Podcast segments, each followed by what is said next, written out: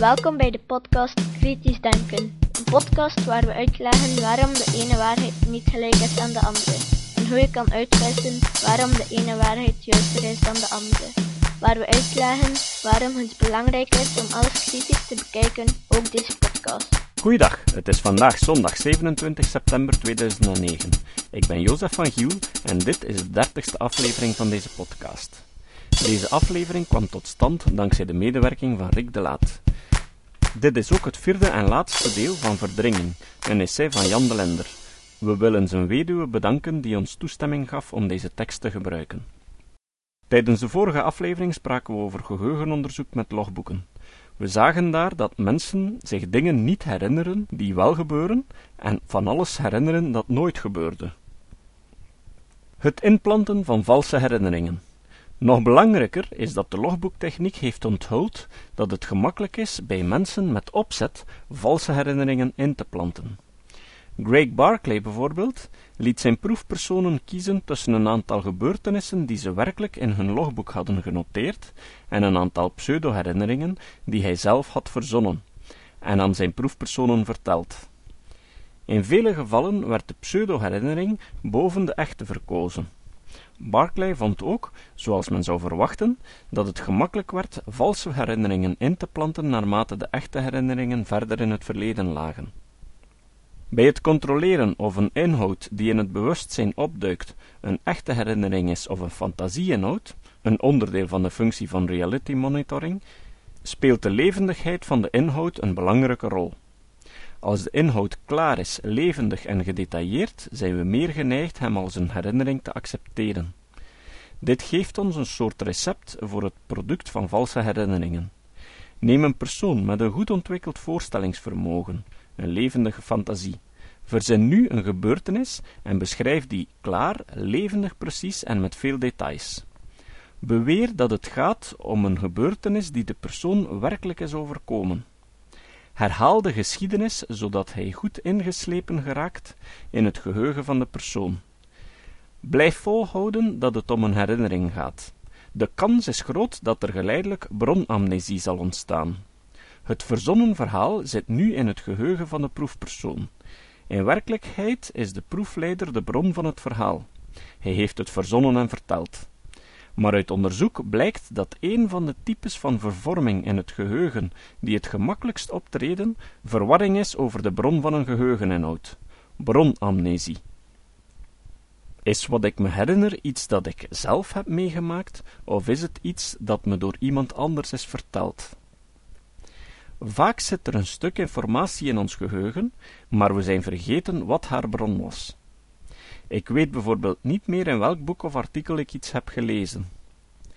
Greg Barclay heeft bijvoorbeeld aangetoond dat hij zijn studenten zonder moeite kon doen geloven dat fragmenten uit zijn eigen cursus uit die van een collega kwamen. Eens men deze dingen weet, is het een koud kunstje om bij mensen valse herinneringen in te planten. Elizabeth Loftus heeft aan ouders gevraagd hun kinderen een verzonnen geschiedenis te vertellen. Het kind was enkele jaren geleden verloren gelopen in een groot winkelcentrum. Het was in paniek geraakt. Een vriendelijke meneer in een geruite jas had het kind opgevangen. Hij sprak met een vreemd accent. De geschiedenis werd keer op keer herhaald en de ouders bleven volhouden dat alles echt zo gebeurd was. De kinderen maakten een typische evolutie door. Aanvankelijk werd de valse herinnering afgewezen. De kinderen zegden dat ze zich niets van het gebeuren herinnerden. Geleidelijk aan begonnen ze te twijfelen. Dan begonnen ze zich vaak flarden van het gebeuren te, tussen aanhalingstekens, herinneren. De herinneringen werden alsmaar duidelijker. Uiteindelijk begonnen sommige kinderen het verhaal van hun ouders met allerlei details aan te vullen. Ceci, Hofman en Schmidt zijn erin geslaagd adolescenten te doen geloven dat ze als kind een reis met een luchtballon hadden gemaakt, dat ze ooit met hun hand hadden klemgezeten in een muizenval, enzovoort. De techniek die Freud gebruikte om bij zijn patiënten verdrongen herinneringen te recupereren, blijkt niet alleen verdacht goed op deze techniek voor het inplanten van valse herinneringen, hij is in vele opzichten een verbeterde en krachtiger versie ervan. In de periode waarin Freud er voor het eerst in slaagde verdrongen herinneringen aan zijn patiënten opnieuw bewust te maken, was Freud er diep van overtuigd dat deze vrouwelijke patiënten als kind seksueel waren misbruikt, maar deze ervaringen hadden verdrongen. Hij geloofde dat hij hen kon genezen door hun weerstand te breken en hen te dwingen zich te herinneren dat er misbruik had plaatsgevonden. Een therapeut bevindt zich in een ideale situatie om bij patiënten valse herinneringen over seksueel misbruik of over onverschillig welke andere denkbeeldige ervaring in te planten. Als een vrouw contact zoekt met een psychotherapeut, dan betekent dit dat ze zich psychologisch en vaak ook lichamelijk niet goed voelt.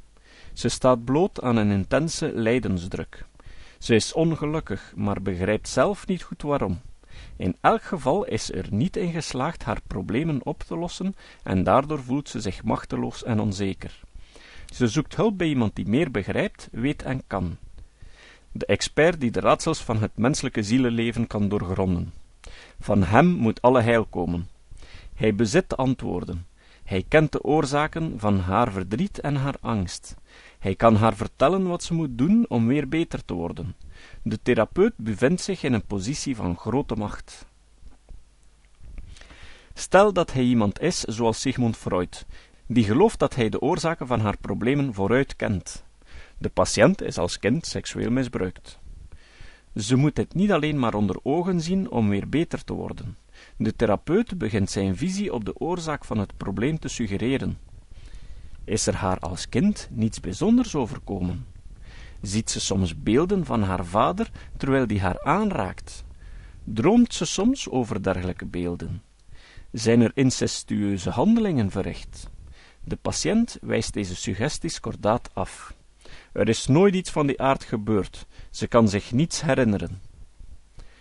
De ontkenning sterkt de therapeut in zijn axiomatische overtuiging. En zo'n ontkenning is net wat men moet verwachten als er werkelijk seksueel misbruik met verdringing heeft plaatsgevonden. Het is een teken van weerstand. Deze weerstand moet nu gesloopt worden. De therapeut legt zijn patiënten uit dat het in gevallen van incest normaal is dat het slachtoffer zich niets kan herinneren. Dat is het gevolg van verdringing en weerstand, maar ze moet haar weerstand laten varen. Ze moet haar herinneringen terugvinden, dat is de enige manier om te genezen. De therapeut laat duidelijk merken dat de weerstand, en niet het aanvaarden van de suggereerde herinneringen, verkeerd is. Wat kan de patiënt doen? De therapeut stelt haar voor een simpele keuze. Ofwel aanvaard je de herinneringen die ik je suggereer, en dan komt er uiteindelijk een eind aan je lijden. Ofwel volhard je in je weerstand, en dan kan ik niks voor je doen. Dan wijs ik je af. Dan gaat je lijden maar door. In zijn Zur Etiologie der Hysterie uit 1896 maakt Freud duidelijk, kennelijk zonder zich ook maar in het minst te realiseren hoe gevaarlijk heel zijn benadering is, dat de idee van incest van hem kwam en niet van zijn patiënten.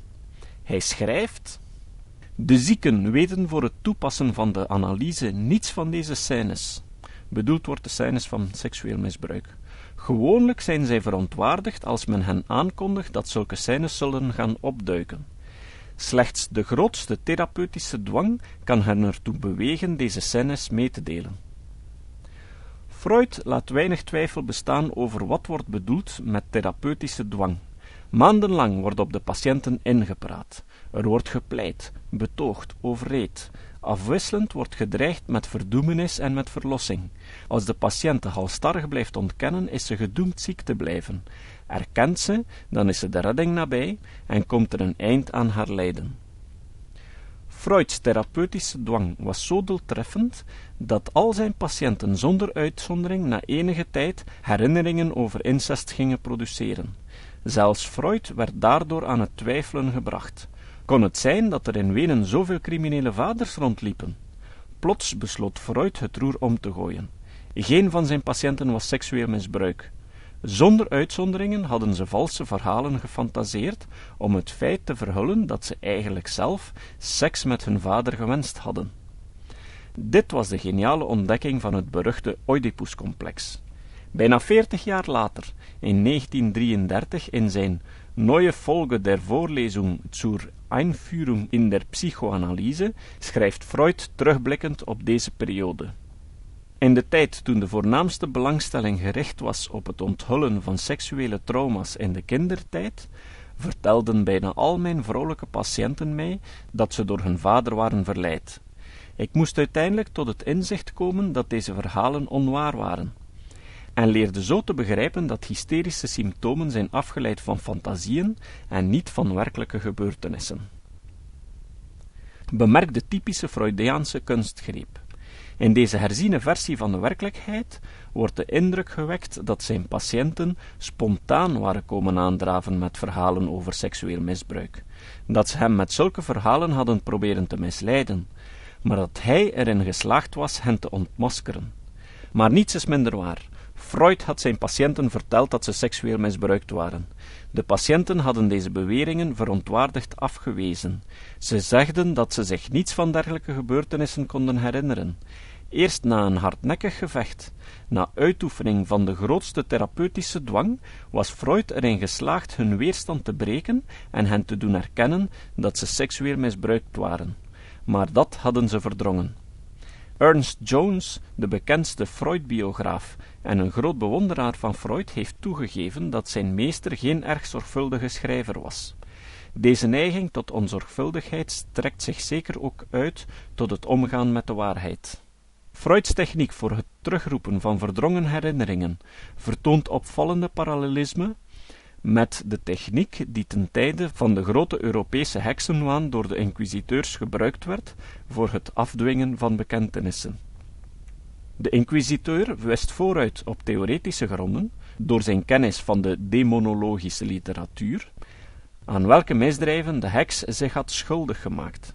Ze had zich seksueel laten verleiden door de duivel. Ze had de zijde van het kwaad gekozen. Ze had tijdens de heksensabbat kinderen verslonden. Het kwam er nu alleen nog op aan haar te doen bekennen, zodat haar onsterfelijke ziel kon gered worden. De inquisiteur begint de heks nu te vertellen waaraan ze zich heeft bezondigd. De verdachte ontkent krampachtig en hardnekkig. Daarop legt de inquisiteur haar uit dat dit het typische gedrag van een heks is. Heksen ontkennen altijd. Hij legt haar uit dat hij haar vriend is, dat hij haar probeert te helpen, maar dat hij gedwongen zal zijn haar pijn te doen als ze weerstand blijft bieden en volhardt in haar ontkenning. Maar de heks herinnert zich geen misdaden, en daarop begint de foltering, torqueatur. Keer op keer krijgt de heks te horen dat ze zichzelf foltert. Ze kan ogenblikkelijk een einde maken aan de pijn. De inquisiteur is haar vriend. Ze hoeft alleen maar te bekennen en ze is verlost. We begrijpen nu dat dit een ideaal recept is voor het afdwingen van valse bekentenissen. De werkwijze van Freud is haast een kopie van dit recept. De goede analist weet van tevoren wat de oorzaak is van het leed van de vrouw die tegenover hem zit. Ze is seksueel misbruikt, maar ze ontkent dit. En dat is de oorzaak van haar pijn. Alles is nogthans eenvoudig. Ze hoeft zich alleen maar te herinneren en er komt een einde aan het lijden. Ze wordt opnieuw heel. Dit is de techniek die de nieuwe volgelingen van Freud stelselmatig toepassen. Voor de patiënten is de verleiding om de valse herinnering te aanvaarden bijzonder groot. Hier zit een zieke, verwarde, angstige, niet begrijpende vrouw. Volgt ze de therapeut, dan is er plots een verklaring voor al haar leed. Haar depressies, haar verslaving, haar zelfmoordpogingen, haar bulimie. Er is een dader, een schuldige. Eigenlijk scheelde er niets met haar. Iemand heeft haar dit aangedaan. Dit is geen zieke vrouw, ze is een slachtoffer en dat is een veel betere status. Een slachtoffer is een normale, gezonde, goede persoon aan wie onrecht is aangedaan. Zijzelf is oké, iemand anders is niet oké. Er is een dader in het spel. Vaak gebeurt het zoeken naar verdrongen herinneringen in groepsessies. Men luistert naar de terugkerende herinneringen van anderen. Men wordt meegesleept door emoties. Er wordt gehuild. Er wordt omarmd. Wat is echt? Wat beeldt men zich in? Wat is zeker? Niets is zeker. Tenzij het verdriet dat men voelt, de warmte van de groep, de omarming, men wil erbij horen, getroost worden. En men hoort er maar bij als men zich herinnert. en nu krijgt men zelf ook beelden, flitsen, brokstukken van herinneringen. Men spreekt erover en de therapeut en de andere leden van de groep zijn verrukt. Eindelijk, eindelijk is de weerstand gebroken. Hier is de verlossing. Men wordt opgenomen, getroost, omarmd, gedeculpabiliseerd. Men geniet plots een vorm van erkenning en men krijgt een groepsidentiteit. Men behoort tot de groep van de seksueel misbruikte slachtoffers. Gedurende de voorbije vijftien jaren heeft zich rondom de verdringingstheorie van Freud een situatie ontwikkeld die meer dan ironisch is. Terwijl Freud na korte tijd tot de conclusie was gekomen dat zijn patiënten nooit seksueel misbruikt waren, maar dat hun valse herinneringen eigenlijk een Oedipuscomplex camoufleerden, is een nieuwe horde van Freud-volgelingen ervan overtuigd geraakt dat de oorspronkelijke opvatting van de meester juister was. De waarheid was zo verschrikkelijk dat Freud ervoor is teruggedeinst. Al zijn patiënten, en ook die van de nieuwe volgelingen, zijn echt seksueel misbruikt. Dat de nieuwe experten, net als hun grote leermeester, geen verdrongen herinneringen bekomen, maar pseudo-herinneringen die door hen zelf zijn ingeplant, wordt bevestigd door de volgende onderzoeksgegevens. De leeftijd waarop de verdrongen gebeurtenissen zogezegd hebben plaatsgevonden, klopt in bijna de helft van de gevallen niet met wat we weten over de werking van het geheugen. Een massa onderzoeksgegevens wijst erop dat mensen nooit in staat zijn zich gebeurtenissen te herinneren van voor het einde van hun tweede levensjaar. De gemiddelde leeftijd van de vroegste herinneringen is ongeveer 3,5 jaar. Bij sommige mensen gaat de vroegste herinnering wat verder terug. Maar twee jaar blijkt een absolute ondergrens te zijn. Men spreekt in dit verband van infantiele amnesie. Het betreft inderdaad een soort vergeten. Want kinderen van anderhalf jaar oud bijvoorbeeld hebben wel een functionerend geheugen. Een kind kan zich op die leeftijd bijvoorbeeld herinneren wat het ochtends heeft gegeten, maar de herinnering komt nooit in het lange termijn geheugen terecht. Ze worden al na korte tijd definitief vergeten. Dit geldt niet alleen voor herinneringen aan triviale gebeurtenissen, maar ook voor herinneringen aan zeer bijzondere gebeurtenissen, een ongeval, de geboorte van een broer of een zusje, zelfs de dood van een ouder. Uit onderzoek blijkt dat volwassenen aan dergelijke vroegtijdige gebeurtenissen nooit een herinnering hebben, tenzij anderen hen de gebeurtenissen op latere leeftijd hebben beschreven. Wat de volwassene zich dan herinnert, is het verhaal dat hij op latere leeftijd heeft gehoord, niet de oorspronkelijke gebeurtenis. Kennelijk is het menselijk brein voor de leeftijd van ongeveer twee jaar niet in staat duurzame geheugensporen te vormen. Maar tijdens een psychoanalytische therapie of onder hypnose herinneren mensen zich vaak gebeurtenissen uit de eerste twee levensjaren, of zelfs gebeurtenissen van voor hun geboorte, of uit hun vorig leven.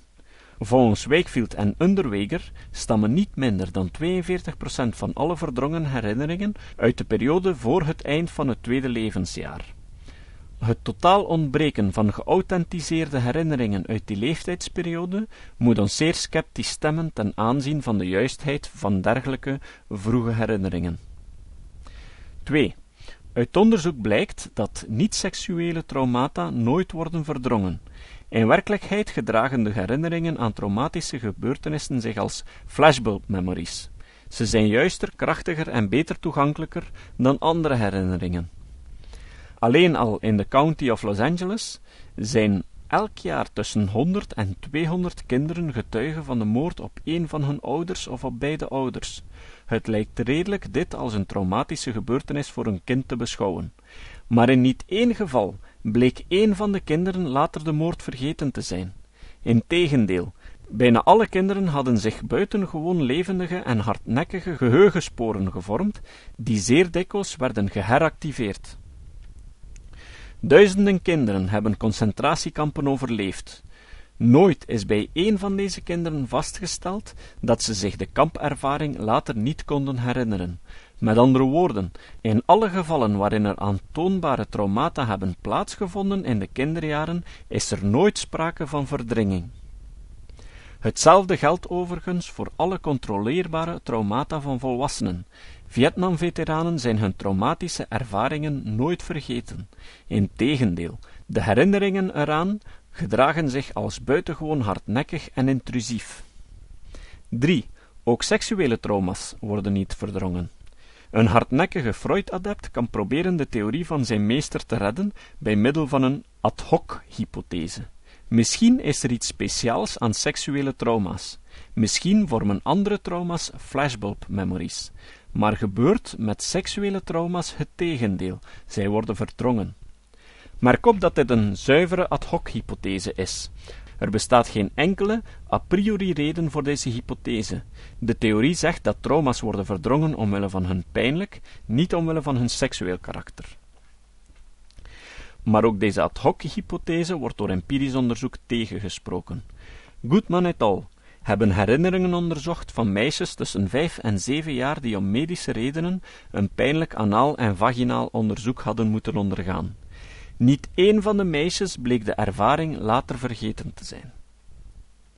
In een ander onderzoek van Goodman werden kinderen tussen drie en elf jaar ondervraagd die elf dagen voordien een uretrale katheterisatie hadden ondergaan, het inbrengen van een katheder in de urineleider, om een mogelijke infectie van de urinewegen op te sporen. Dit is een pijnlijke procedure. De katheder wordt ingebracht via het geslachtsorgaan. Weer bleek dat alle kinderen zich het gebeuren herinneren, de meeste met grote levendigheid. 4. Verdrongen herinneringen zijn vaak absurd. Vaak zijn herinneringen van die aard dat ze manifest onwaar zijn. Patiënten herinneren zich dat ze toen ze één maand oud waren seksueel misbruikt werden door Clint Eastwood, Bill Clinton en Lady Diana Spencer. Sommigen herinneren zich dat het seksueel misbruik heeft plaatsgevonden aan boord van een UFO of tijdens een vorige reïncarnatie. In de VS hebben de media de verbeelding van mensen dermate op hol gebracht dat er in talkshows zoals die van Geraldo Rivera en Oprah Winfrey herhaaldelijk mensen naar voren komen die zich herinneren dat ze het slachtoffer geweest zijn van satanische secten of buitenaardse wezens. In gevallen van geauthenticeerd seksueel misbruik is er nooit sprake van verdringing. Sommige kinderen en volwassenen worden natuurlijk echt seksueel misbruikt. En in een aantal gevallen is het misbruik geauthenticeerd. De vader is bijvoorbeeld op heterdaad betrapt door zijn echtgenote. DNA-onderzoek heeft aangetoond dat het sperma in de vagina van het kind van de vader afkomstig is. De vader heeft het misdrijf bekend, enzovoort. Alle onderzoekers zijn het erover eens dat kinderen die ernstig seksueel misbruikt zijn, vooral door een naaste verwante, het erg moeilijk hebben om daarover te spreken. Dit heeft met diverse factoren te maken. Vaak begint het misbruik als het meisje nog zo jong is dat ze niet begrijpt wat er aan de hand is. Vaak begint het misbruik als het meisje nog zo jong is dat ze niet begrijpt dat wat er gebeurt abnormaal is, verboden of een misbruik. De dader gedraagt zich vaak teder en lief tegenover het kind. Op het ogenblik dat het tot het meisje doordringt dat haar ervaring abnormaal is, voelt ze zich vaak medeschuldig. Ze heeft het laten gebeuren, ze heeft het geheim gehouden, ze heeft soms actief meegewerkt, ze heeft ook genot en seksuele opwinding ervaren. En daarvoor schaamt ze zich.